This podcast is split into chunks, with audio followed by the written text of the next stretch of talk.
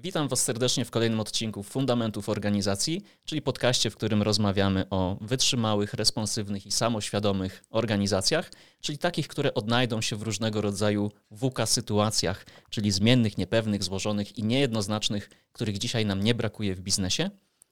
I tematem dzisiejszego odcinka jest różnorodność zespołów.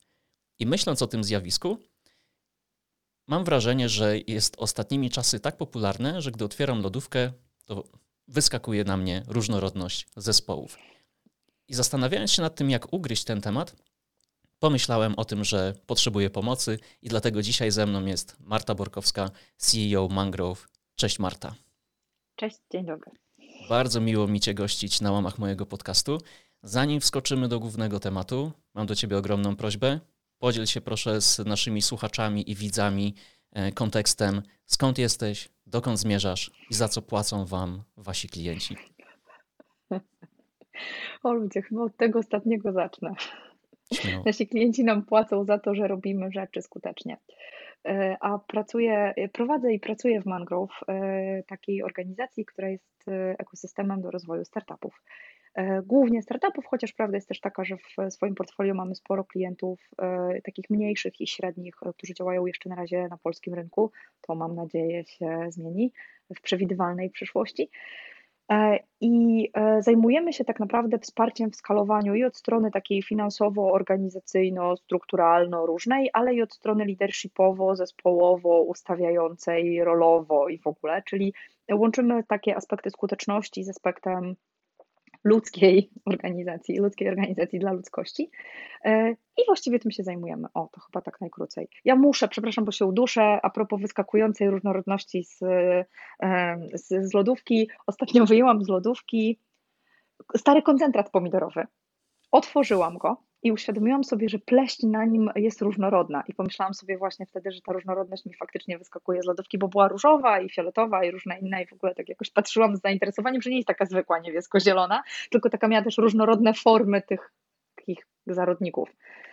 No, więc tak, yy, różnorodność lodówki nawet na starym koncentracie pomidorowym. Coś w tym jest w takim razie, bo dzisiaj jakby nie było, Żyjemy też w bardzo różnorodnych czasach i sytuacjach. Nasza rzeczywistość jest super skomplikowana i tak się zastanawiam, czym w ogóle jest ta różnorodność, bo jak scrolluję LinkedIna, czy rozmawiam z menedżerami, no zgeneralizuję, wszyscy mówią o różnorodności, a mało kto definiuje, co ma tak naprawdę na myśli. Pada stwierdzenie, mamy różnorodny zespół i co dalej. Więc zanim wskoczymy co dalej, czym dla Ciebie jest różnorodność w zespołach? Wiesz co, to jest dla mnie opis takiego zjawiska, ale trochę stanu pożądanego, może tak, bo w ogóle skąd to się zaczęło brać? Bo to chyba trzeba sobie sięgnąć po taką historię różnorodności. Zaczęliśmy mówić o różnorodności tak naprawdę najpierw w takim kontekście społecznym, ponieważ e, biznes jeszcze wcale nie tak dawno temu był zdominowany przez białych mężczyzn. I w przypadku polskim e, większym kłopotem było to, że to byli tylko mężczyźni, nie bardzo to, że biali, bo myśmy, my jesteśmy takim rasowo dość jednorodnym społeczeństwem. Natomiast e, te, oczywiście trend przyszedł no, głównie ze Stanów Zjednoczonych, gdzie to e, społeczeństwo jest ogromnie multikulturowe, multirasowe i tam ten temat takiego zagarniania różnego rodzaju społeczności, które wcześniej były zupełnie niereprezentowane, a potem były, po angielsku się mówi underrepresented, czyli takie niewystarczająco reprezentowane w biznesie, to stał się cel, ponieważ okazało się, że firmy nie są w stanie skutecznie zaspokajać potrzeb różnorodnych grup docelowych, jeśli w środku faktycznie nie mają z tymi grupami kontaktu. No i teraz oczywiście można tam sobie opowiadać, e, do jakich błędów decyzyjnych doszło w momencie, kiedy organizacjami różnego rodzaju zarządzali biali mężczyźni e, w kohorcie wiekowej 40-50. E, to możemy sobie jako punkt historii zostawić i warto o tym w ogóle poczytać, bo to jest ciekawe, ale to się gdzieś od tego zaczęło. Więc Pierwszym tematem była taka różnorodność, jeśli chodzi o płeć, jeśli chodzi o rasę, o przynależność kulturową, klasową też, choć niechętnie mówimy o przynależności klasowej, to jest bardzo niepopularne, a wciąż jakieś warstwy społeczne istnieją, trzeba się trochę temu przyglądać. Jeśli chodzi o wykształcenie, różne takie no rzeczy, jakby takie zmienne bardziej socjologiczne. Nie? Potem się okazało, że jest temat orientacji seksualnej. Potem się okazało, że do różnorodności dochodzi nam temat tożsamości płciowej. A my w Mangrove poszerzamy to o kwestie predyspozycji. e, cech osobowości, potencjału poznawczego, e, skłonności do ryzyka, no, różnice indywidualne, tak jak my je rozumiemy, i okazuje się, że nawet grupa, jednorodna grupa białych mężczyzn też może być mniej lub bardziej różnorodna, jakby wewnątrz tej grupy. Nie? O, to chyba tak. Dla mnie to jest po, po prostu budowanie zespołów ze świadomością i takim świadomym podejmowaniem decyzji, jakich ludzi ja do tych zespołów chcę zapraszać, żeby moja organizacja skutecznie zaspokajała ten cel, po który istnieje, realizowała swoją misję, realizowała swoją wizję i też była zgodna z wartościami, które ja jako założyciel tej organizacji jakby uważam za jej fundamenty, nie? O tak. Więc sam, y, sama definicja jest dosyć y, różnorodna i, i, i złożona i niejednoznaczna, jakby nie było. Tak się zastanawiam, bo to jest, mówimy o tym świadomie, a przynajmniej uświadamiamy sobie samo pojęcie różnorodności od względnie niedawna. Masz y, takie też wrażenie, że pandemia otworzyła tę puszkę różnorodności? Czy to już było wcześniej? Nie, nie, u mnie to już było dużo wcześniej. Ja mam takie poczucie, że to jest ostatnia dekada, jak się zaczyna o tym mówić. Myślę, że ze względu przede wszystkim na e, takie, w Polsce to ze względu na zmianę społeczną, którą zaliczamy, nie? Mhm. I e, też ze względu na to, że gdzieś tam nam się dyskurs taki polityczny zrobił e, dość jednorodny i to zazwyczaj powoduje po jakiejś stronie odbicie stronę większej różnorodności. Więc to wiesz, to też jest tak, że to jest jakoś tak mm, trochę w zależności od tego, jak narracja społeczna jest kształtowana. Ja mam takie poczucie, że w Polsce to jest temat, taki solidny temat od co najmniej ostatnich pięciu lat. Mhm. Odwołując się do tych różnic indywidualnych, to w zespole, przechodząc już na konkretne mhm. przykłady, jak możemy zaobserwować różnorodność? No, wiesz co, zespoły różnorodne to są takie, w których ludzie nie wyglądają jak, nie zachowują się bardziej, jak kopiuj wklej swojego szefa. To jest chyba najprostsza odpowiedź.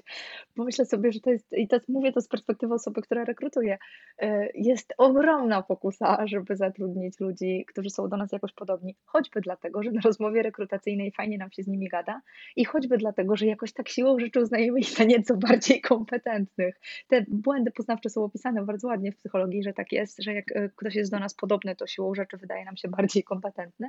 No i teraz e, dla mnie zespoły różnorodne to są takie, w których e, ludzie wyrażają na, najczęściej to na spotkaniach widać w ogóle, jak coś tam o czymś tam gadają, coś planują, czy coś próbują jakiś problem rozwiązać, że jest miejsce na różne perspektywy. I takie od strony organizacyjnej, i takie od strony klienta, i takie od strony zespołu, i takie od strony ogółu, i takie od strony szczegółu, i takie od celu, takie od szansy, takie od ryzyka. I trochę wszyscy wrzucają jakby swoją perspektywę, i im jest w starcie więcej niezrozumienia, więcej takiego chodzenia od sasa do lasa, tym ten zespół jest najprawdopodobniej w ogóle bardziej różnorodny. Tylko też. Yy odwołując się do rekrutacji, jeżeli popełniamy ten błąd i e, bardziej preferujemy, znaczy nie wiem, czy to jest błąd, ale nam jest wygodniej po prostu zdecydować tak. się na no, współpracę no, błąd z kimś. znaczy, nie heurystyka. Mhm. Z kimś, e, kto ma podobnie jak my, bo na początku jest łatwiej. Jak spotykam kogoś, kto jest podobny do mnie, no to szybciej łapiemy mm, chemię, kontakt i, i popełniamy ten błąd, że wydaje nam się, że długofalowa współpraca będzie równie owocna jak krótkie pierwsze spotkanie. Ty, i często mamy rację w ogóle, bo będzie. Tylko pytanie, czy ja buduję swój zespół po to, żeby on mi dowoził emocjonalnie na poziomie zrozumienia i czego tam ja jeszcze potrzebuję, czy ja buduję swój zespół jako pewną, sorry za słowo, emanację celu organizacji, nie? Mhm. Jeżeli ja buduję ten zespół po to, żeby on skutecznie w długim terminie osiągał cele, to to może być e, inny zespół niż taki, który ja bym sobie zbudowała po to, żeby mi było z nim dobrze. No i, mhm. to, i tutaj wchodzi świadomość różnorodności. To jest to miejsce. Z Twojej perspektywy, po co w ogóle się nad tym zastanawiać, odkrywać, wykorzystywać różnorodność zespołu? No skoro zatrudniając kogoś, kto jest podobny y, do mnie, też będzie ok. Właśnie nie wiemy, czy będzie. To znaczy, w krótkim terminie może będzie. Wiesz, to, to jest chyba o tym, co uznajemy za ok. Czy my ciśniemy w takie bycie wystarczająco dobrym, czy my ciśniemy w taki maksymalizm i sobie mówimy, kurka, można postawić taki zespół, który jak się nim dobrze zarządzi, to po prostu będzie trzy skale lepszy niż taki złożony z moich klonów. Mhm. Owszem, tam jest ileś pracy, które trzeba włożyć i w skomponowanie tego zespołu, i w zarządzanie tym, bo różnorodność będzie powodowała więcej szumu. tym szumem trzeba jakoś zarządzać, trzeba mieć na niego tolerancję, trzeba mieć szacunek do części tego szumu w ogóle. E, I jednocześnie ten zespół ma szansę być o kilka skal lepszy pod wieloma względami i celu, który osiąga, szerokości i sposobu myślenia, liczby perspektyw, które przyjmuje, i też e, takiego e, z punktu widzenia samego pracodawcy, to może być po prostu ciekawe miejsce do pracy dla wielu ciekawych osób. A no, zespoły jednorodne będą ciekawym miejscem do pracy tylko dla jednego typu osób. Mhm. A i wtedy się zamykamy na przykład. Tak. A tak? Dzisiaj, dzisiaj rekrutacja jest jedną z najtrudniejszych rzeczy e, we wszechświecie. A utrzymanie pracowników jeszcze. Jeszcze bardziej, dokładniej. Kwestie tak. przynależności do organizacji, tak, a w zasadzie do, do zespołu. Dokładnie tak. Dokładnie tak. No to mamy te szumy, które będą przeszkadzać i mamy, i mamy obietnicę większej skuteczności. Na chwilę złapmy się tej skuteczności zespołu. Gdzie ty upatrujesz największe przewagi różnorodnego zespołu albo tą skuteczność? Przede wszystkim w takiej szerokości perspektyw. E, wiesz, to najprościej będzie to wyjaśniać na podstawie zespołów produktowych. Mhm. Zespoły produktowe są stworzone do tego, żeby mm, tworzyć wizję produktu, sprawdzać eksperymentalnie, które elementy tej wizji mają szansę na monetyzację, planować eksperymenty mające na celu sprawdzenie, co najlepiej e, zmonetyzuje to, co wiemy już, że chcemy zmonetyzować, i potem to wdrażać. Nie?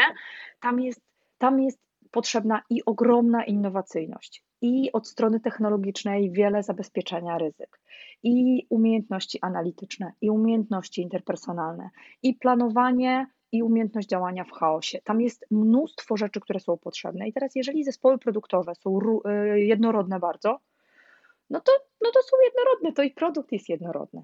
Nie? I teraz, jeżeli my myślimy sobie o tym, że na rynek chcemy wypuszczać produkt, który będzie w sposób taki kompleksowy zaspokajał potrzeby jakiejś grupy docelowej, no to pytanie, czy nasi ludzie y, są łącznie skonstruowani w większy myślący organizm, który to organizm potrafi przyjąć różne perspektywy. Dodatkowo tam zawsze dochodzi pytanie, czy my w organizacji w ogóle mamy sensowną reprezentację tej grupy docelowej, której potrzeby chcemy zaspokajać, ale to jest jeszcze oddzielny temat. Nie, ale to też wchodzi w różnorodność w ogóle. To chyba w tym najbardziej skuteczności upatruję w umiejętności żonglowania różnymi typami perspektyw, które dla jednej osoby są w ogóle poznawczo niedostępne. Bo nie ma tak, że jedna osoba jest w stanie żonglować wszystkimi perspektywami, like wszędzie, bo po prostu tak nie funkcjonujemy. W tych naszych białkowych mózgach y, jest jakieś ograniczenie. To na chwilę wyskakując z perspektywy różnic indywidualnych, a wskakując do ról, zdarzyło mi się kiedyś wytwarzać produkt e, dla branży IT, gdzie ten produkt był wytwarzany w większości przez e, programistów E, w bardzo programistyczny sposób i pomimo tego, że to było dla programistów, to ten produkt był nieużyteczny z punktu widzenia człowieka. No bo jeśli chodzi o właśnie rolę. Mówisz, że programista też człowiek? E, tak, tak, pomimo tego, co teraz się dzieje w branży, ale to jest zupełnie inny wątek hmm. interfejsów tak. białkowych, to w to nie wchodźmy dzisiaj. Więc tutaj, tutaj jak najbardziej dostrzegam tę przewagę a w, to też się gdzieś pewnie będzie zbiegać do tego, że realizacja celów, strategii, szczególnie jeśli firma szybko pędzi, to to może być też bardzo przydatne, no bo dzisiaj wiele firm się bardzo szybko rozwija i wy też współpracujecie z różnego rodzaju startupami, które prawdopodobnie szybko rosną i wydaje mi się, że jest łatwiej albo może mniej boli szybki wzrost, kiedy na pokładzie mamy różne perspektywy. E, tak, jest szansa wtedy, że ktoś się zorientuje, że jedziemy na ścianę i powie to odpowiednio wcześnie tak. Natomiast jeżeli wszyscy jesteśmy skonstruowani tak samo, no to jakby to nasze ograniczenie y, poznawcze, które my mamy, będzie tylko większe. Więc tak, tak, krótko mówiąc, dokładnie tak jest. Nie? Ta różnorodność z punktu widzenia organizacji zarządza różnego rodzaju ryzykami, których nawet nie widać. I to jest w ogóle ciekawe, że części z tych ryzyk my nawet nie jesteśmy ich świadomi, bo jak funkcjonujemy w różnorodnym zespole, to one nas w ogóle nie dotykają. Bo po prostu są zarządzane, zanim ktoś sobie wyobrazi, że one są. I, I pewnie też dlatego tak trudno z tą różnorodnością. Pomyślałem też o tym, że to może, jeżeli mamy różnorodny zespół, jeżeli, jeżeli jesteśmy w takim zespole, to, to te sytuacje mogą być dla nas dużo bardziej powszednie, że nam łatwiej przejść od jednej do drugiej, bo do po drugiej, się tak. ca, cały czas wydarzają. Mhm, tak, coś w tym jest, rzeczywiście. To mamy tutaj skuteczność i z drugiej strony powiedziałaś o tych szumach w zespołach, w zespołach różnorodnych. Co miałaś na myśli? Hmm. Różnorodność oznacza konieczność dostrajania się regularnego, na przykład w komunikacji, ale nie tylko w komunikacji, w sposobie pracy, w tempie pracy, w różnych rzeczach. I no to jest tak, jak regulujesz odbiornik, to jest dokładnie szum, nie? W sensie, jak regulujesz odbiornik i próbujesz go tam ustawić na jakąś częstotliwość, już pewnie mało kto z nas w ogóle pamięta, jak to działa, no to on tam tak trzeszczy, zanim tą częstotliwość złapiesz. I to trzeszczenie to jest szum. Jak wszyscy regulują swoje odbiorniki i próbują się jakoś ustawić na wspólną częstotliwość, to strasznie szumi. I możemy to nazywać, że to jest storming, według faz, wiesz, procesu grupowego, coś tam, coś tam, nie ma znaczenia. Szumi. Wszyscy regulują, regulują, u jednego już szumi, już trzy się ustawiły, ale u czwartego jeszcze coś tam trzeszczy, u kogoś śnieży, ktoś tam macha anteną, ktoś wtyka spinacz, żeby obejrzeć mecz, różne rzeczy, nie? E, to jest kwestia tego, że my też jakoś, e, jak, jak jesteśmy jakoś skonstruowani, no to mamy też jakąś wrażliwość jako odbiornik. I czasem ktoś nadaje, a my na to patrzymy i do nas to w ogóle nie dociera, albo w dodatku nas wkurza, dociera, ale absolutnie niezgodnie z intencją tej osoby, która nadaje. Tam to się dopiero zaczynają robić rzeczy. I to wszystko są szumy. Jeżeli popatrzysz na to tylko jak na szum, nie jak na czyjąś złą wolę, jak na czyjś brak kompetencji, a po prostu na zwykły komunikacyjny szum, na dostrajanie odbiorników, no to trochę jest łatwiej takimi sytuacjami zarządzić. Mhm. W praktyce to będą częstsze sytuacje konfliktowe, czy jakieś inne momenty Wiesz co, pomiędzy ludźmi? Niekoniecznie, Boże, najlepiej to jest jak w ogóle nie ma sytuacji konfliktowej.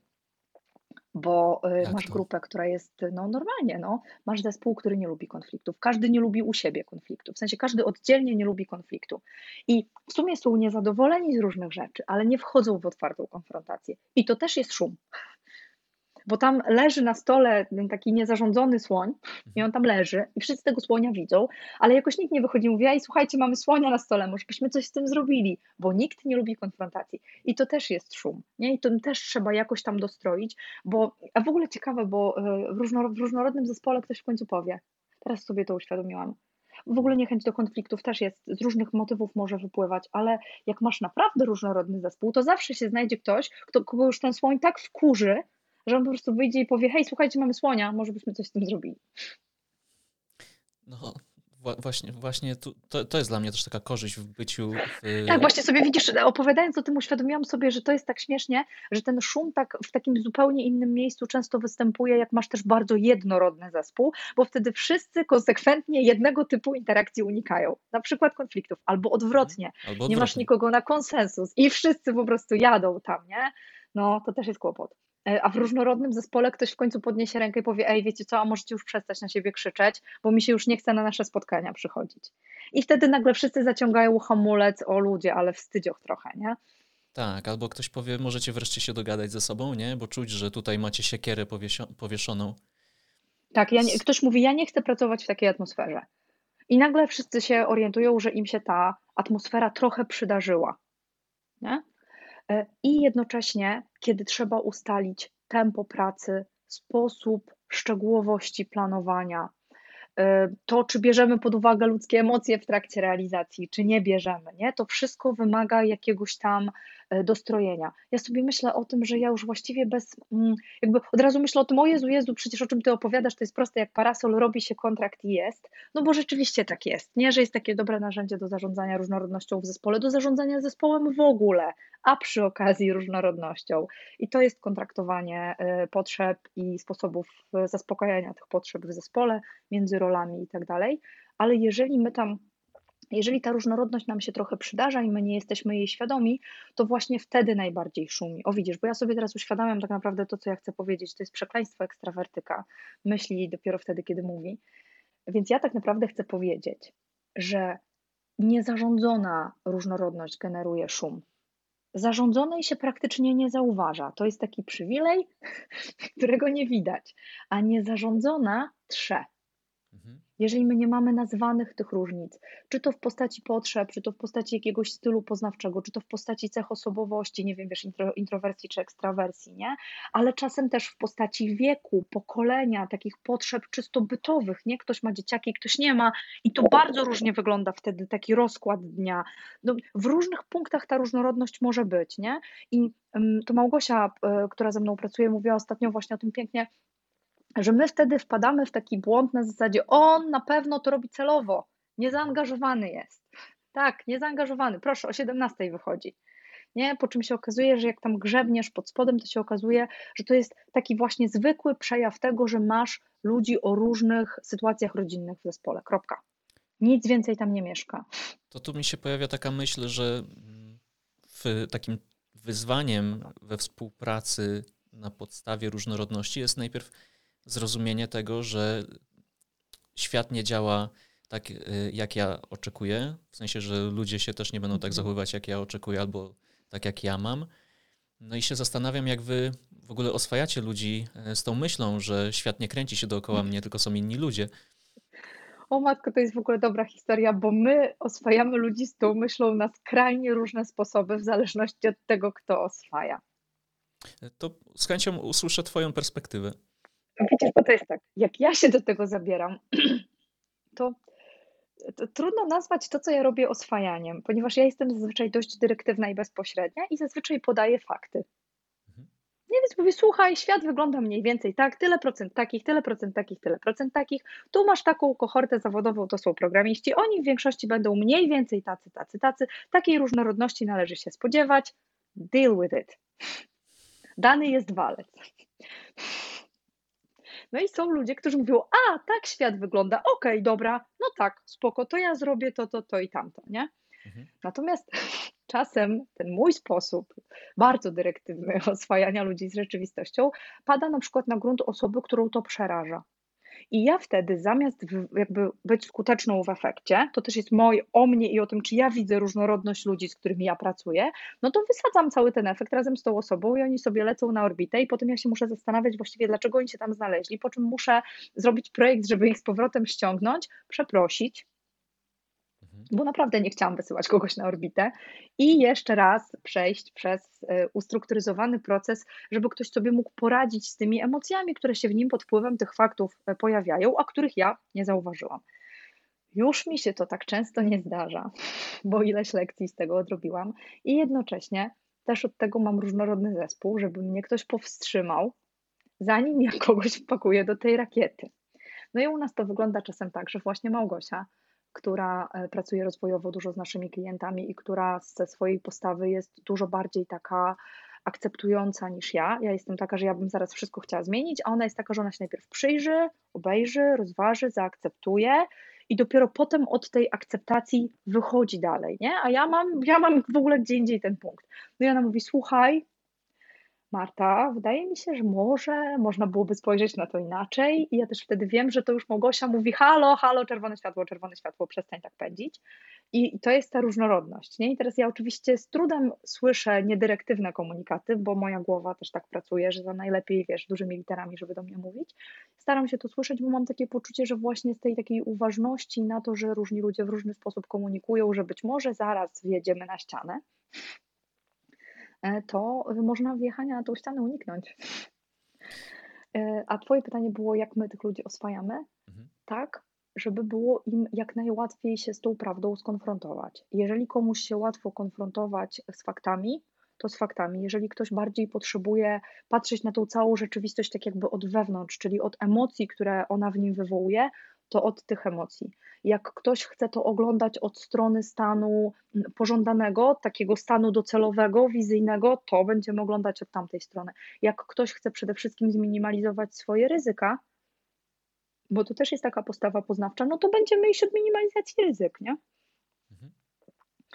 Nam chyba bardziej zależy na tym w pracy z ludźmi, szczególnie z liderami i szczególnie na bardzo wysokich pozycjach w organizacji, żeby mieli taką świadomość, że nie odlepi im się ego od tego, że ci ludzie będą różnorodni i że jedni będą robić tak, a drudzy inaczej, że to nie świadczy o nich źle jako o menedżerach, że nie mają, cudzysłów, pełnej kontroli. Że to ego tam będzie stało i ono jest ok, zupełnie takie, jakie jest, i nie trzeba go obudowywać różnymi ludźmi innymi podobnymi do mnie, żeby mi na pewno coś z tego ego nie odpadło. Mhm. No bo jak jest ta źle, czekaj, powiedziałaś, yy, źle zarządzona różnorodność, to wtedy są szumy. I taki lider, który na przykład ktoś zostaje liderem, czy zostaje wybrany, czy sam się mianuje, nieważne, a być może ważne, nie wiem. ale jak wchodzi do różnorodnego zespołu albo taki sobie komponuje, no to jest w otoczeniu tych szumów i jak ten człowiek ma sobie poradzić, jak się odkleić od swojego ego. No wiesz, to jest pewnie o tym, żeby nie traktować tych szumów jako e, informacji, że mi coś źle idzie, żeby je po prostu potraktować jak dane.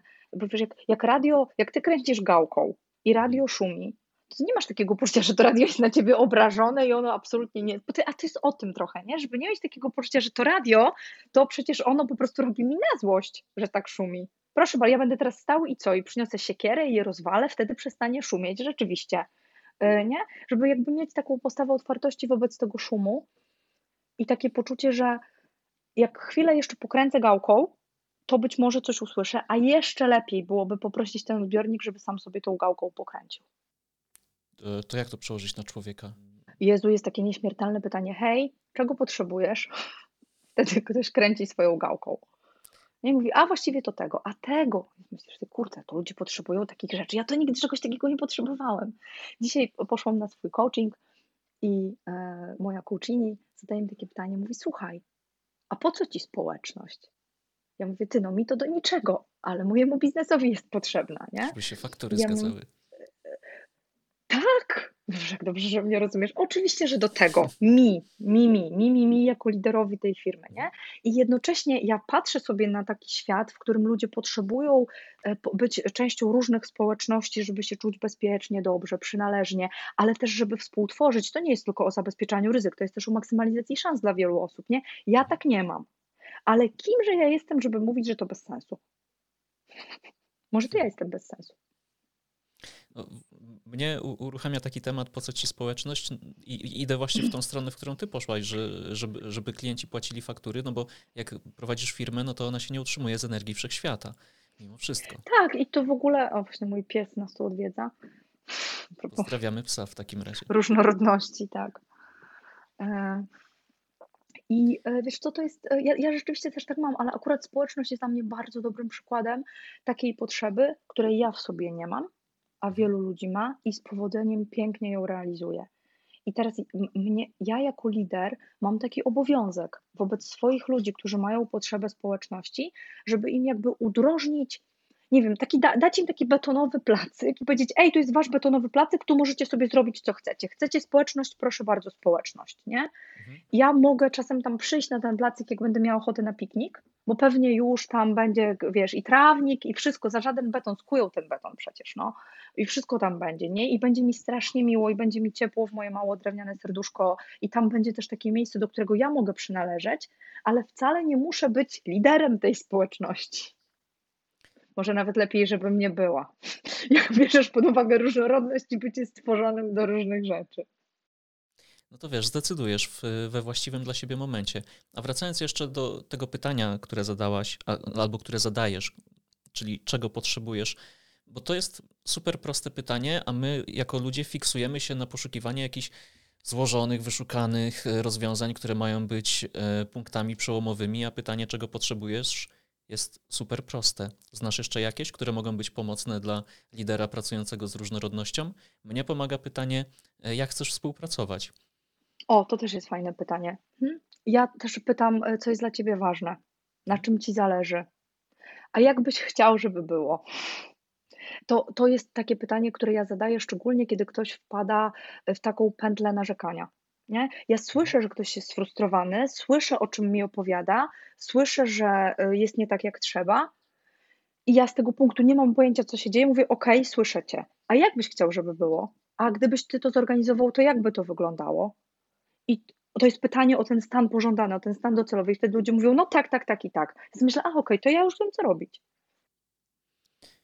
To mm, lider w różnorodnym zespole, warto, żeby się cechował lub cechowała czymś takim, że widzę moich ludzi i dostrzegam ich potrzeby, jestem na nie. Wiesz to, jak, potrzeby jak potrzeby, byłabym z tym ostrożna, ale objawy potrzeb tak. Bo ja mogę widzieć, wiesz, objaw, nie? Mogę widzieć, że ktoś ma katar, ale to ktoś mi musi powiedzieć, czy ma alergię, bo akurat lipa pyli, nie? Czy jest chory, czy w ogóle, nie przymierzając, był na bardzo dobrej imprezie dzień wcześniej. No dokładnie, tutaj ja jestem fanem y, po każdej hipotezie sprawdzić, żeby dopiero nazwać ją tezą, więc tutaj te objawy potrzeb jak najbardziej do sprawdzenia. I w ogóle to jest też temat a propos różnorodności, bo y, trudno jest i chyba się nawet nie powinno, wpa- znaczy dobra, w ogóle się, to jest, to jest trochę połączony temat. Zdarza się, że menadżerowie myślą, że ich zadaniem jest widzieć, rozumieć, zauważać i zaspokajać potrzeby członków zespołu. A to w ogóle tak nie jest. No ho, ho, nie? To w ogóle tak nie jest. To nam jakoś tak e, trochę pokutuje tak, taka rola lidera jako rodzica. I to potem generuje takie śmieszne przeniesienia w organizacjach, że jedni się chowają przed ojcem pod stół, inni idą do matki, bo się uderzyli w kolano, a potem ci liderzy przychodzą do nas i mówią, wiecie co, bo my ich strasznie musimy niańczyć. To jest dokładnie to słowo, które pada, nie? Mhm. No nic dziwnego. Więc to jest nieustannie relacja dorosłych ludzi, e, z których każdy ma swoje potrzeby i przede wszystkim odpowiedzialność za ich zaspokajanie to, co powinien robić y, lider, który chce ten zespół różnorodny utrzymywać w zaangażowaniu, to jest dawać po prostu im taką. Dobra, pal licho z tą platformą, bo ja zaraz wpadnę wiesz, w jakieś takie taki słowotok z nowomową naraz.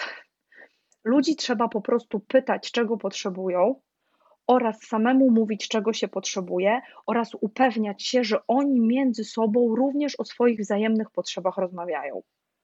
Czyli jak ktoś do mnie przychodzi i zaczyna narzekać, że ten Maciek to w ogóle coś tam robi albo czegoś nie robi, to ja pytam, czy już mu to powiedziałeś albo powiedziałaś. Najpierw o to pytam zawsze, a dopiero potem zajmuję się w ogóle oglądaniem tego problemu. Bo jeżeli tamta informacja nie przepłynęła, to musi przepłynąć.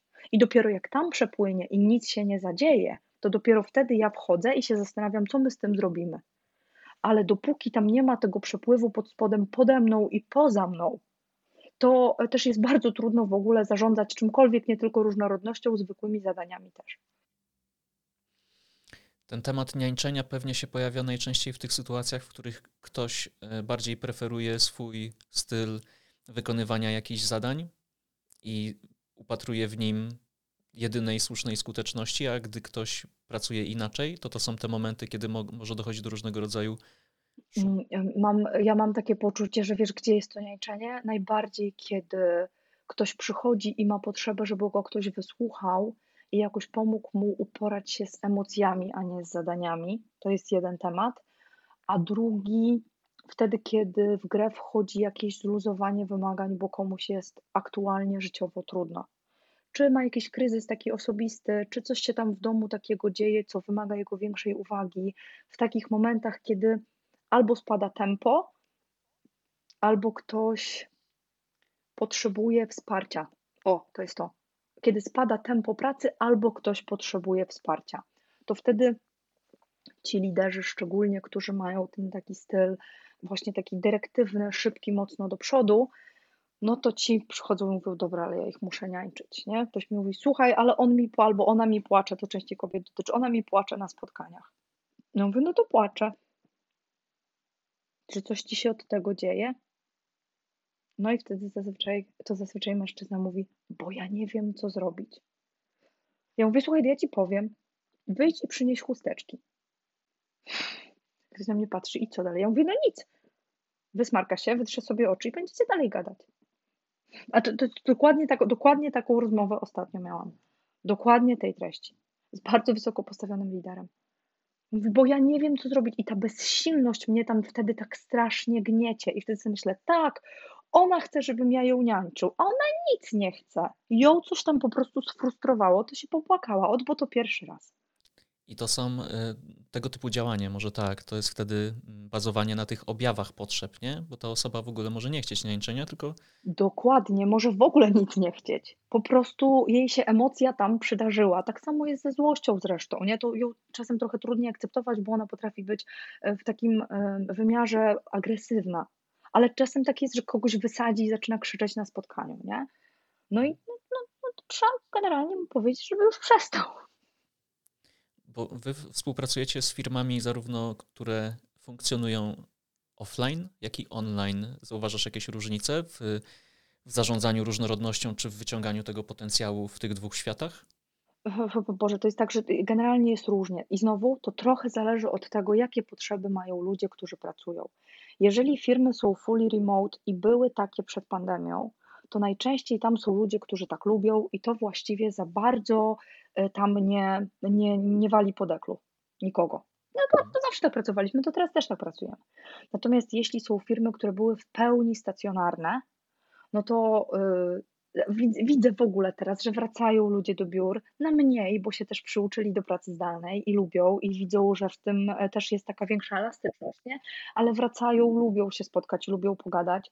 E, pobyć. Przez pogadać, pobyć nie mam na myśli nic nie robić i pić kawę, tylko po prostu załatwić pewne tematy w mniej ustrukturyzowanej formie niż półgodzinny call wbity na sztywno do kalendarza, który musi być o tym i tylko o tym, nie? Że jeszcze można przy okazji pięć innych tematów poruszyć, a właśnie iść coś tam przy kawie albo gdzieś na lunch razem pójść i to jest takie przyjemne. Myśl zasady tylko wskoczę, że w domu pracujemy, a w biurze współpracujemy. Trochę tak. No. Jest bardzo trudno e, uruchomić współpracę w taki sposób, e, w, w, który jest w pełni zdalny. Nie? Z drugiej strony to jest trochę też o różnorodności, bo pokolenia, które są scyfryzowane od dziecka, bardzo dobrze współpracują zdalnie. To nie jest kłopot w ogóle. Skądkolwiek, proszę bardzo, ten z plaży, ten stamtąd, ten stamtąd i się dzieje, nie? Komunikacja synchroniczna też kwitnie. Natomiast e, ludzie, którzy nie są przyzwyczajeni do korzystania z technologii, do asynchronicznej komunikacji w podtrzymywaniu relacji, bardzo długie zdanie, ale to właściwie o to chodzi, no to są ludzie, którym to przychodzi z trudem i którzy też nie mają z tego gratyfikacji. Nawet jak im to nie przychodzi z trudem, to to nie to jest ten problem. To nie jest sposób utrzymywania relacji, który jest gratyfikujący. I tu wchodzi z kolei na przykład różnica pokoleniowa, nie? Więc trochę też zależy, jakich ludzi masz w firmie, w jakim wieku, tak mniej więcej. Mhm. No, ja jak myślę o tym kontekście hybrydowym, bo ja, ja mam okazję tak współpracować z ludźmi, to dla mnie jest najtrudniejsze bycie w lupie informacyjnym, tak żebym nie, nie, nie, muszę mieć kontroli, nie muszę wiedzieć, co dokładnie się teraz dzieje, ale chciałbym wiedzieć, na jakim etapie jest zadanie. I kwestia synchronizacji na zasadzie, że w ogóle cokolwiek się dzieje, to jest y, takie wyzwanie, przed którym się borykamy i staramy się na przykład narzędziowo sobie w tym pomóc. No właśnie myślenie, że to narzędzia wtedy do tego. Nie? Ja mam z kolei z narzędziami taki kłopot, że ja strasznie nie lubię rozpisywać swoich tasków. Mhm. Ja wszystko wiem, co ja muszę zrobić, tylko nie chcę mi się tracić czasu na komunikowanie tego, temu kogoś, e, tego komuś innemu, no więc ja kogoś pozostawiam w niedosycie informacyjnym. Nie? I tak w kółko. I tak, i tak w kółko. I możemy sobie jakoś z tym radzić? Bo mówiłaś wcześniej o kontrakcie, mm, że to, że to może być pomocne we znaczy, Wiesz co, na pewno teraz, bo po pierwsze trzeba sobie powiedzieć, e, fajnie mi zadajesz to pytanie, bo czy możemy sobie z tym jakoś radzić, to jest dużo lepsze pytanie niż czy możemy sobie z tym jakoś poradzić. Bo radzić to sobie z tym po prostu trzeba. To jest jak dany jest walec, nie? Mhm. Jest dany walec, w tym zadaniu po prostu liczymy objętość walca, nie objętość stożka. No to liczmy, no to liczymy, no taki jest wzór na objętość walca. Natomiast jeśli chodzi o e, to, e, do czego tutaj kontrakt by się przydawał, to wydaje mi się, że w takich najbardziej spornych punktach, gdzie jest e, najwięcej jakby kłopotu z ustaleniem takiego rytmu wspólnego współpracy, to tam warto się zakontraktować. Że na przykład, nie wiem, raz w miesiącu się wszyscy widzimy w biurze, to jest zaplanowane z trzymiesięcznym wyprzedzeniem i choćby skały srały, jak to mawia moja przyjaciółka, to po prostu się tam widzimy, nie? Że raz w tygodniu mamy one-on-one -on -one z naszym szefem albo z kimś tam innym, że do takiego narzędzia wpisujemy i że z, nie wiem, w 48 godzin trzeba tam wrzucić taska albo cokolwiek. Ale że są też takie taski, które nie muszą tam trafiać, bo jak coś zajmuje 5 minut, to lepiej to po prostu od razu zrobić niż pisać 10, e, a potem kolejne 5 odkrykiwać, że się zrobiło, nie? bo to jest bez sensu zupełnie. No i tu znowu w zespołach trzeba sobie po prostu ustalić, co ma sens i jak ma sens. Nie? Mhm. A jak wprowadzacie kontrakt do organizacji, to co jest najtrudniejsze dla ludzi później? No bo przychodzimy, umawiamy się, e, powstaje jakiś dokument, no i dogania nas rzeczywistość. Najtrudniejsze jest poradzenie sobie z tym, że na początku go w ogóle nie zrealizowaliśmy i wyrobienie w sobie nawyku patrzenia na ten kontrakt regularnie. Po prostu, bo to jest o nawyku. To jest o tym, że jeżeli mamy, nie wiem, jakieś retro w zespole, znowu Scrum tutaj pięknie przychodzi z pomocą, to elementem tego retro jest kontrakt, i ktoś, kto prowadzi to retro, mówi: No dobra, no to tu jest nasz kontrakt, to jak nam idzie. Nie i po jakimś czasie ludzie już zapominają w ogóle, że ten kontrakt był, bo już wszystkim tak w krew weszły te nawyki, że jest szansa na zakontraktowanie czegoś nowego, nie? Mhm. Albo na przykład przychodzi ktoś nowy do zespołu, dostaje ten kontrakt, mówi, słuchaj, my tu tak pracujemy, nie? No i ten ktoś przychodzi i ten mi wchodzi i sobie uświadamia, kurczę, rzeczywiście tak pracują, ale numer.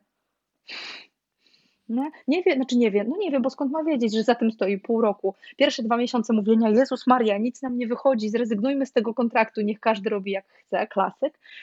I te, ktoś musi tam być wystarczająco zdeterminowany, a propos różnorodności, żeby na ten e, kontrakt po prostu regularnie patrzeć i tego absolutnie nie odpuszczać i mówić sobie, dobra, trudno, zrealizowaliśmy 10%, trudno, no, to, to może w następnym miesiącu zrealizujemy 20%. No jakby dany jest walec dużo w naszej rozmowie wybrzmiewa takiej akceptacji dla niepowodzeń.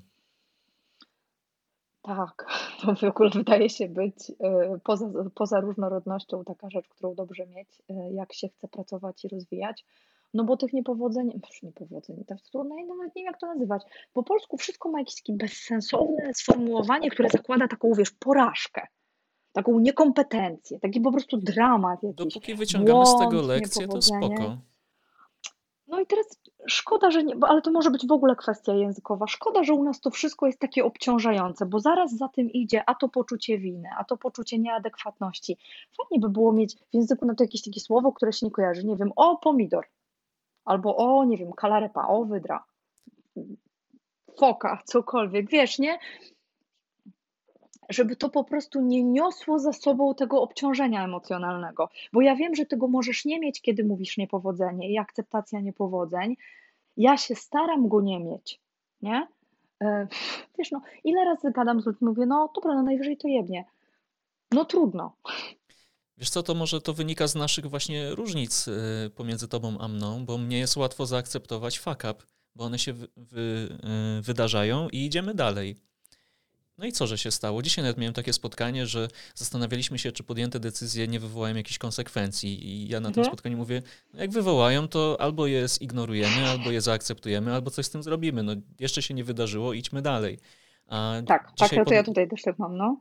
Dzisiaj podnoszę ten temat akceptacji niepowodzeń, bo z jednej strony ten kontrakt, on może nie być respektowany na początku, jeśli go wprowadzamy, bo jest to coś nowego dla nas, jako dla zespołu i okej, okay, spotykamy się, umawiamy, powstaje jakiś dokument, niby wszyscy się zgadzają, a potem wracamy do naszego y, by default, czyli do stanu mhm. wyjściowego, mhm. że tak. zapomnieliśmy nagle, co tam, na co się umówiliśmy.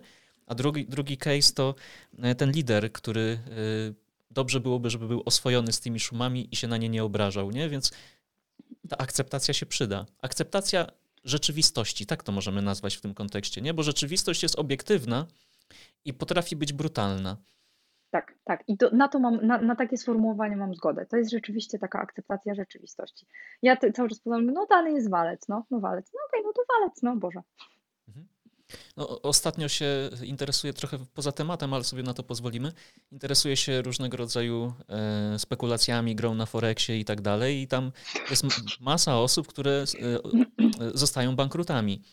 I ci, mhm. którzy przestają być bankrutami, to robią to najszybciej wtedy, kiedy zaakceptują to, że stracili cały e, swój tak. dobytek. Mhm. To, to, akcept, to jest ta akceptacja rzeczywistości dla mnie, tych niepowodzeń, Wiesz, tych pomidorów. To dokładnie tak samo działa y, skuteczność, nie wiem, procesu terapeutycznego, nie? Że tam ci terapeuci to jakoś tam y, próbują przemycić w tym procesie terapeutycznym, że jednym z takich elementów zmiany jest zaakceptowanie najpierw, że to jak mam, to tak mam właśnie. No tak mam, no. Nie w takiej rodzinie się urodziłem, taka jest moja historia i to miało dla mnie negatywne konsekwencje. I dopiero z tego miejsca można robić coś innego. To jest to, co moja Małgosia cały czas powtarza. Odwołuje się tu do niej często, bo ona to ma znaczenie znacząco inną perspektywę i ona jest cała akceptacją na wejściu. Ja o tą swoją akceptację to muszę chwilę powalczyć, ona ode mnie wymaga wysiłku, a ona po prostu ją ma. Jako taki stan, posta taką postawę wobec rzeczywistości. A to też jest super, co powiedziałaś, bo ktoś, kto nas słucha i ma trudniej z tą akceptacją, może stwierdzić, że no to co, to ja się wtedy nie odnajdę w takim różnorodnym zespole, czy jako lider, czy jako część tego. Nie odnajdziesz się doskonale, będzie to od ciebie wymagało po prostu startowo trochę więcej wysiłku. Jesteś w stanie e, coś zarekomendować dla osób, które tak mają, podobnie do ciebie? Tak, tak, jestem w stanie zarekomendować e, wiele głębokiego oddychania. No bo wiecie, to nie jest tak daleko, w sensie to da się trochę rozłożyć na czynniki pierwsze. Akceptacja tak na węch płynie z jakiego, jakiegoś stężenia serotoniny w synapsach, w szczelinach synaptycznych faktycznie, nie? No bo serotonina to jest takie bycie, to jest taki neuroprzekaźnik, który się tam wydziela w takich momentach, kiedy jesteśmy tu i teraz. No i jeżeli ja cały czas jestem o tej wspaniałej przyszłości, a jeszcze nie daj Boże, jestem bardziej o tej luce między aktualną teraźniejszością, sorry za pleonazm, a e, tą przyszłą przyszłością, to tam nie ma żadnej serotoniny, tam leje się po prostu wiadra kortyzolu i nie ma żadnej akceptacji, a jest dużo frustracji albo nawet agresji. Nie? A jeżeli ja mam tak, że ja sobie patrzę na tą rzeczywistość i jednak staram się pozostawać zewnętrzna wobec niej, i sobie mówić, że ta rzeczywistość taka jest i ja też, jest, ja też jestem sama dla siebie jakąś tam rzeczywistością, nie? Ten mój brak akceptacji, to, że się irytuję szybko, to, że nie jest czymś tam mi trudno, to, to też jest jakiś element rzeczywistości. No i należy go pooddychać trochę, żeby mi się tej serotoniny wydzieliło. Jak mi się tej serotoniny wydzieli, to może nawet na jakiś sensowny pomysł wpadnę, no po prostu. No, to jest po prostu rada, ja wiem, no na wszystko jest taka rada, no żeby tak. głęboko oddychać, ale zdaje się, że to jest po prostu w ogóle bardzo dobry pomysł. Nie wiem, czy ja kiedyś e, nie byłem bardziej bliżej tej trudności w akceptacji, bo do, za mną kiedyś chodziło takie powiedzenie, sam to do siebie mówiłem, noś luźne majtki. No bo jak człowiek chodzi w, w za ciasnych, to wtedy jest to dużo prawda. trudniej robić wszystko, nie? I, i, i dziś, dzisiaj mam takie poczucie, że jest luźno, dlatego jak ktoś mówi to jebnie, to ja mówię, no to jebnie. Ale to jest, to jest też o poczuciu własnej skuteczności, nie? Po pierwsze, być może zależy, to jest też o poczuciu własnej skuteczności i o tym, czy ty masz taką bazową wiarę, że nawet jeśli tam jebnie, już y, poruszając się y, w tej nomenklaturze, to, że my sobie z tym poradzimy, a nie po prostu to zostawić. Bo to jest pytanie. I teraz znowu mhm. dotykamy różnorodności, ponieważ to słowo bardzo różne rzeczy znaczy dla różnych ludzi. Dla niektórych to jest e, synonim katastrofy, a dla innych po prostu, oh well, spadła dachówka, nie? No spadła, no Boże Święty, no widocznie dach już tak trochę może trzeba naprawić, może ja tam wejdę i zobaczę, czemu ona w ogóle spadła, nie? A dla niektórych ludzi to jest już takie, taki, takie, taka zapowiedź tego, że zaraz będzie Armagedon. A to jest o skłonności do ryzyka i w ogóle o gotowości do akceptacji ryzyka, a to jest różnica indywidualna, nie? Tym się też różnimy po prostu jako ludzie w predyspozycjach. I obie postawy będą tak samo przydatne, no bo tak, ktoś, kto ma tak, tą tak, łatwość, to, to, może zignorować coś, co że jak rzeczywiście nie wyjdzie, to na tak. przykład będzie pozamiatane Dokładnie, i nie będziemy mieć już do czego wracać. Tak, ktoś, kto ma nisko tą akceptację, mówi, no ale poczekaj, jak to jebnie. Przecież jak to jebnie, to się wydarzy faktycznie to, to, to i tamto, nie? Kurna, rzeczywiście. Tak, tracimy 40% przychodu całej firmy. Albo? I... wiesz, najczęściej wiesz, gdzie to, gdzie to wychodzi? Przy jakichś takich legalowych tematach. Ludzie mówią, ty czekaj, ale widziałaś kiedykolwiek, jakie tam są mm. kary? No ty myślisz sobie, może sprawdzę, bo nigdy nie widziałam. Patrzysz na to, myślisz, u panie kochany, to może jednak rzeczywiście ten compliance zrobimy. No właśnie. A tak y, myśląc o różnorodności wysokopoziomowo, czyli z punktu widzenia founderów organizacji jako takiej, firmy jakoś to wpisują do swojego DNA, myślą o tym świadomie, czy to się po prostu wydarza i wtedy jak już sobie nie radzą, to dzwonią do was i ej, nie, co, co się z tym robi? to w ogóle przydarza zazwyczaj jako taki temat towarzyszący gdzieś tam realizacji strategii, E, bo albo tej różnorodności nie ma i się okazuje, że to kłopot, bo na przykład ktoś sobie na zatrudniał samych wizjonerów e, i wszyscy mają tysiąc pomysłów, ale nie ma komu egzekwować, albo ktoś sobie na zatrudniał e, samych pistoletów i nie ma komu dbać o atmosferę, różne tam są sytuacje. Więc, ale to, ale to, się, to, to, że to jest ten kłopot, to się gdzieś tam okazuje w trakcie, nie? Natomiast pytasz o to, jak to w, z punktu widzenia różnych firm, wiesz co, bardzo różnie. Mam takiego klienta jednego, który sobie to wpisał w DNA od samego początku. Powiedział, że taki startup chce mieć, taką firmę chce prowadzić i w związku z tym ostatnio przyszedł mówi, no dobra, słuchaj, mam za mało kobiet w firmie, muszę zatrudnić więcej. po prostu nie podoba mi się to, nie chcę tak pracować. E, rzeczywiście tam zgłaszali mi się częściej mężczyźni czy coś tam, bo to były takie role.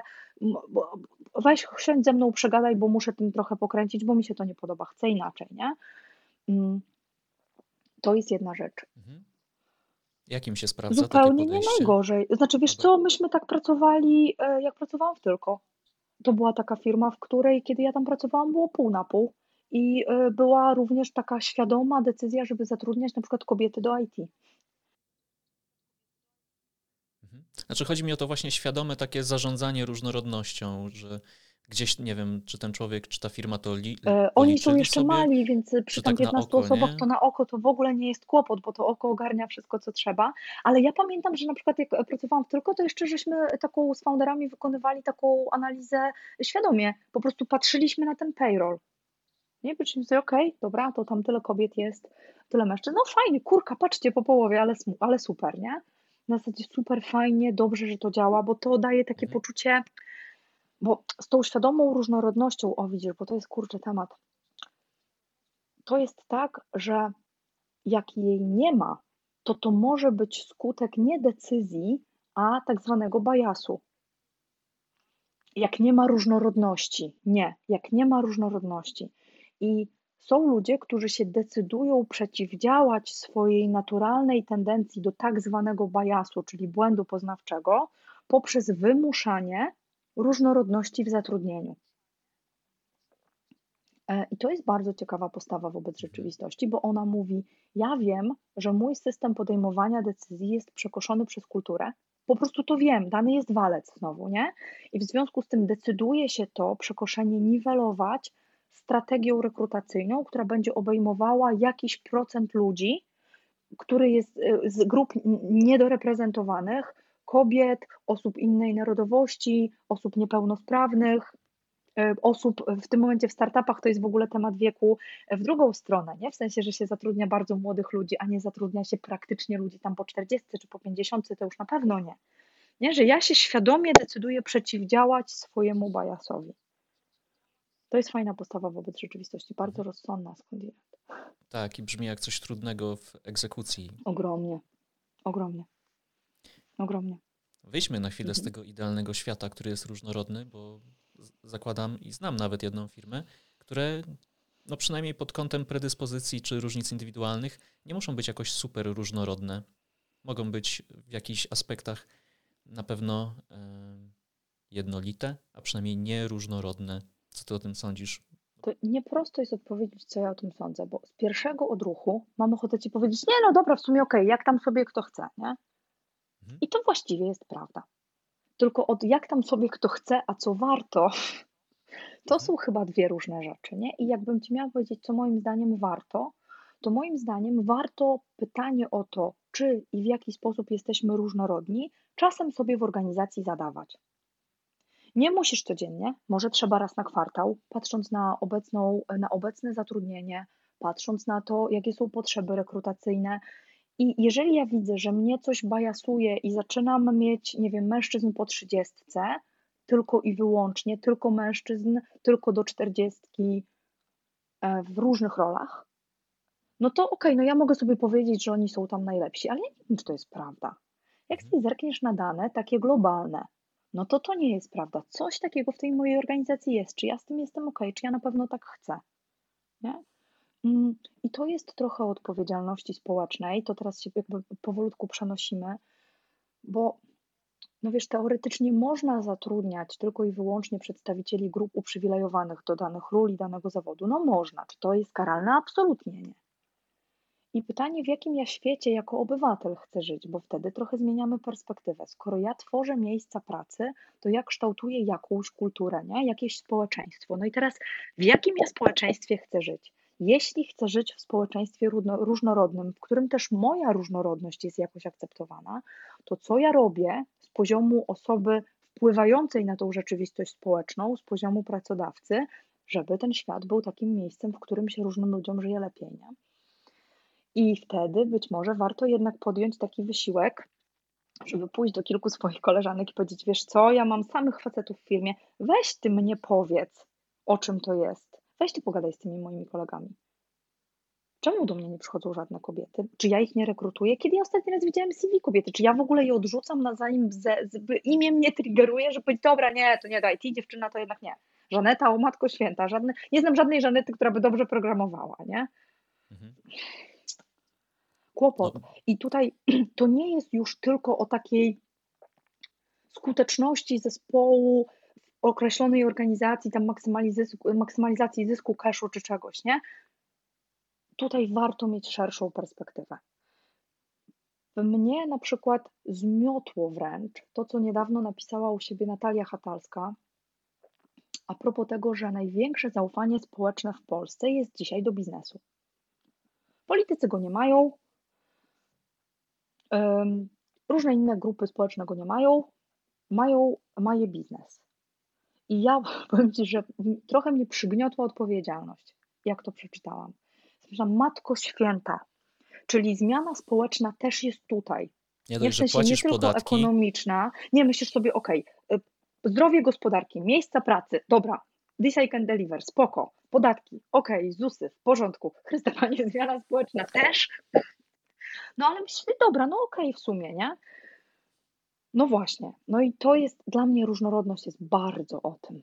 Mhm. To jest, to jest po prostu ta szersza perspektywa, że jednak miejsca pracy są też o kształtowaniu postaw y, społecznych. Jeżeli miejsca pracy tą różnorodność szanują, włączają ją, gadają o niej i tak dalej, ci ludzie wejdą do domów i swoje dzieciaki też tak wychowają.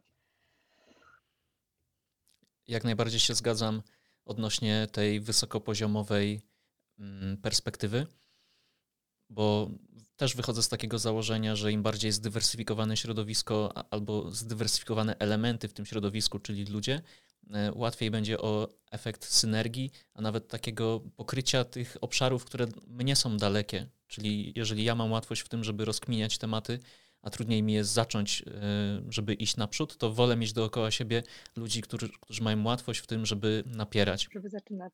Mhm. Jasne, że tak. Tak. Tak, to jest też właśnie o tym, żeby żadna grupa albo społeczna, albo żadna grupa, nie wiem, o określonych predyspozycjach nie była przytłoczona odpowiedzialnością. Bo się, tak się przydarzyło, że ją całą wzięła, nie? Nie ma Mhm. takiej potrzeby.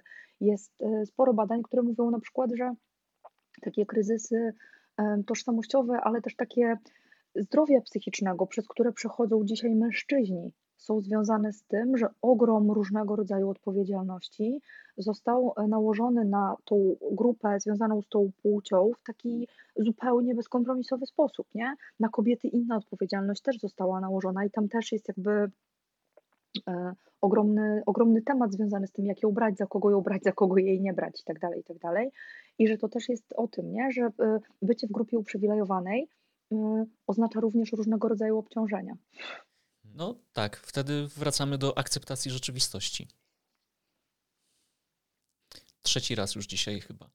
E, Obo, oboj, oboje e, wdrażamy narzędzie psychometryczne e, Freeze i dzięki, dzięki temu mamy taką, taki przywilej, taką łatwość w tym, żeby pracować z różnego rodzaju zespołami, często różnorodnymi. I mnie się zdarza co jakiś czas, jak wchodzę do jakiegoś niewielkiego 3-5 osobowego zespołu, gdzie ludzie e, z punktu widzenia tego badania mają podobnie, to pierwsza myśl, jaka im przychodzi do głowy, to o, nie jesteśmy różnorodni, mamy bardzo podobne wyniki. To w takim razie zatrudnijmy kogoś. Co ty sądzisz o takiej strategii? Wydaje mi się pomijać jeden krok, e, tylko i wyłącznie, albo może max dwa. Jeden jest taki, ok, mamy tak jak mamy, nie? Mamy, wszyscy mamy taką, a nie inną perspektywę. Jakie to szanse maksymalizuje, jakie ryzyka rodzi? Mhm. Albo jakich szans nie realizujemy, nie? I teraz patrzymy sobie na te niezrealizowane szanse, zrealizowane szanse, na te ryzyka, które stoją w kolejce, żeby się zmaterializować, i wtedy pytamy, zatrudniamy kogoś czy nie? Mhm. Jeżeli to wygląda na, na opanowane, to plus takiego procesu jest taki, że jak tylko któreś z tych ryzyk albo któraś z tych szans zacznie się świecić w jakimś wyraźnym kolorze, to to będzie bodziec do tego, żeby kogoś zatrudnić. A jeżeli na ten moment się okazuje, że coś się świeci, to tak zatrudniajmy i to totalnie jeszcze wyniuchajmy, e, jakie, jaki potencjał poznawczy ten ktoś ma, żeby nam rzeczywiście lewą ręką ten kawałek ryzyk czy ten kawałek szans opierdzielał. Bo odnosząc się do tego, co powiedziałaś, ta świadomość, o której też już dzisiaj mówiliśmy, nie musimy od razu zatrudniać człowieka do zespołu, bo mamy pewien zasób, y, który jest w nas i wiedząc, co to jest za zasób, jak to działa, gdzie pomaga, gdzie przeszkadza, nawet w, na przykład z punktu widzenia tego badania, no bo różnorodność, dzisiaj sobie ustaliliśmy, że to jest bardzo różnorodny temat, czym jest różnorodność i nie możemy na nią patrzeć zero-jedynkowo. Tak, ale wiesz, co jeszcze można zrobić? Można sobie na przykład zrobić taki, taką symulację, jakby to było, gdyby w naszym zespole był ktoś o zupełnie innej postawie, takiej poznawczej, nie? o takim potencjale. I na przykład sobie myśleć, dobra, no to kogo nam brakuje? No to idąc frisowym tym modelem, a kurka, przydałby się wizjoner. Znacie kogoś takiego? A to chodźcie go zaprosimy, wiem, na trzy godziny spotkania. Zobaczymy, jak to jest, jak w burzy mózgów uczestniczy jakiś człowiek, który ma wysokie wizje. Nie? Po prostu wiesz, eksperymenty, eksperymenty, eksperymenty, nie? No, jak najbardziej. Przeskakując od razu na drugie spektrum tej skali, okazuje się, że mamy zespół, który pod kątem e, wyników świetnie wpisuje się w profil tego, co robimy, a jedna osoba jest totalnie inna, nie? Raz mi, się, raz mi się zdarzyła taka sytuacja, że ktoś wychodząc ze spotkania powiedział, z takim wynikiem to ja się nie nadaję do pracy na tym stanowisku, bo jest totalnie inny niż wszyscy. Teraz jak obsłużyć taką sytuację? No ja, ja to mam tak, że wiesz, że jednak rzeczywistość zwraca dość e, sensowne jakby dane, więc jeżeli ja z sukcesem od lat na tym stanowisku pracuję, to być może się nie nadaje, ale jakoś mi wychodzi. I tutaj wiesz, to, wiesz, jak to przy flicie to jest w ogóle przy, przy tym myśleniu o, o skalach e, poznawczych, to jest pytanie, czy ta praca sprawia mi przyjemność. Jeżeli sprawia mi przyjemność i ja w tej robocie dostarczam wartości, to widocznie dostarczam jej po prostu innymi zasobami niż inni ludzie. I to jest też w ogóle bardzo o różnorodności, że do wielu problemów, do których podchodzą e, zespoły, e, nie ma jednego dobrego rozwiązania. To rozwiązanie, tych rozwiązań, tych ścieżek jest bardzo wiele. Tam nawet nie ma jednego precyzyjnie zdefiniowanego efektu. Często w ogóle wiele efektów można uznać za sukces. Nie? A do tych efektów jeszcze prowadzi w ogóle do każdego kilkanaście czy kilkadziesiąt dróg. I tutaj ustawianie tego w ciągi przyczynowo-skutkowe, że ja mam taku, taki wynik na takiej i na takiej skali i w związku z tym do tego się nie, da, nie nadaje, a do tego nie, no jest zdeczka absurdalna. No, mózg jest turboelastyczny i ma w nosie to, jakie ma wyniki na skalach. Mhm. Takie moje doświadczenie jest. Zgadzam się. I konkludując naszą dzisiejszą rozmowę, bo patrzę na, na zegarek i dobijamy do brzegu powoli. E, tak, mam w głowie przynajmniej trzy myśli. Pierwsza to akceptacja rzeczywistości, bo ona nam dzisiaj tu wybrzmiewała. I to, co teraz powiedziałaś, też mi w to wchodzi. Na zasadzie, ok, mamy jak mamy, zobaczmy, co możemy z tym zrobić. Czyli zaakceptujmy, a potem sięgnijmy do naszych e, potencjałów, zasobów, jakkolwiek to, e, to nazwiemy po to, żeby świadomie podejmować decyzje o tym, co z tym robimy, jak robimy, jak postrzegamy z tym, czyli z różnorodnością. A to, co tak e, mocno zabieram do siebie, to o tych mhm. nienazwanych różnicach, bo jeśli ich nie nazwiemy, to one nam prawdopodobnie będą przeszkadzać, będą tworzyć ten szum e, w tym Mogą. radio. Mhm. Mogą, mogą, mogą. Jeżeli nam coś szumi w zespole, to naprawdę to jest taka pierwsza hipoteza, którą ja stawiam zazwyczaj, nie? Okay, może ci ludzie się po prostu różnią od siebie jakoś na jakichś, w jakichś fundamentalnych miejscach na tyle wyraźnie, że trzeba regularnie dostrajać odbiorniki, nie? 100%. Mhm. mhm. E, Marta, wielkie dzięki za dzisiejszą rozmowę. Świetnie się z Tobą dzisiaj rozmawiało, sprowadzając. Dokładnie. E, powiedz, powiedz, to jest e, Ostatnie pytanie, prośba do Ciebie. Z jaką myślą chcesz zostawić osoby, które przysłuchiwały się naszej rozmowie? Wiesz, myślę, że po pierwsze z taką, że cała ta różnorodność ma szerszy kontekst niż efektywność biznesowa i że w dobie, w której w biznesie leży to zaufanie społeczne, warto o tym pamiętać, że to jest o tworzeniu e, społeczeństwa, już nie tylko społeczności, ale w ogóle społeczeństwa, w którym wszystkim, e, dla wszystkich e, jest miejsce. To jest jedna rzecz. Druga, druga paradoksalnie, paradoksalnie do tej pierwszej, że nic na siłę i zjawisku się należy przyglądać z uważnością, ale niekoniecznie lecieć z tym, po prostu z parytetem, e, choć sam parytet, muszę to powiedzieć, uważam za sensowne rozwiązanie. Uważ, w ogóle w polityce szczególnie. Natomiast to nie jest tak, że polecam teraz każdemu sprawdzić każdą możliwą różnorodność w firmie i po prostu wypuszczać ogłoszenia. Poszukujemy kobiety, 45 lat, dwójka dzieci, po prostu ciemne włosy, ale niebieskie oczy do pracy tu i tam. Nie? Mm, mm, bo to można przegiąć w drugą stronę. Więc, żeby przede wszystkim się temu bardzo uważnie przyglądać i zadawać sobie pytanie, jak to u nas wygląda, jakie szanse, jakich szans nie wykorzystujemy, jakie ryzyka nam generuje, jeśli jesteśmy nieróżnorodni, to to by było to. A trzecia rzecz, i to jest to, co już od jakiegoś czasu powtarzam, ale powtórzę znowu, że różnorodne zespoły są skuteczne wtedy, kiedy są dobrze zarządzane. Sama różnorodność nie wystarczy. Jeżeli przysłuchujecie się tej rozmowie i mielibyście trudność z tym zarządzaniem różnorodnymi zespołami, namiar na, e, na Ciebie, Marta, i na Twoją firmę będzie w opisie do tego e, materiału. Bardzo Wam dziękujemy za dzisiaj. Dziękujemy ogromnie. Niech różnorodność będzie z Wami. do tak zobaczenia. Do zobaczenia.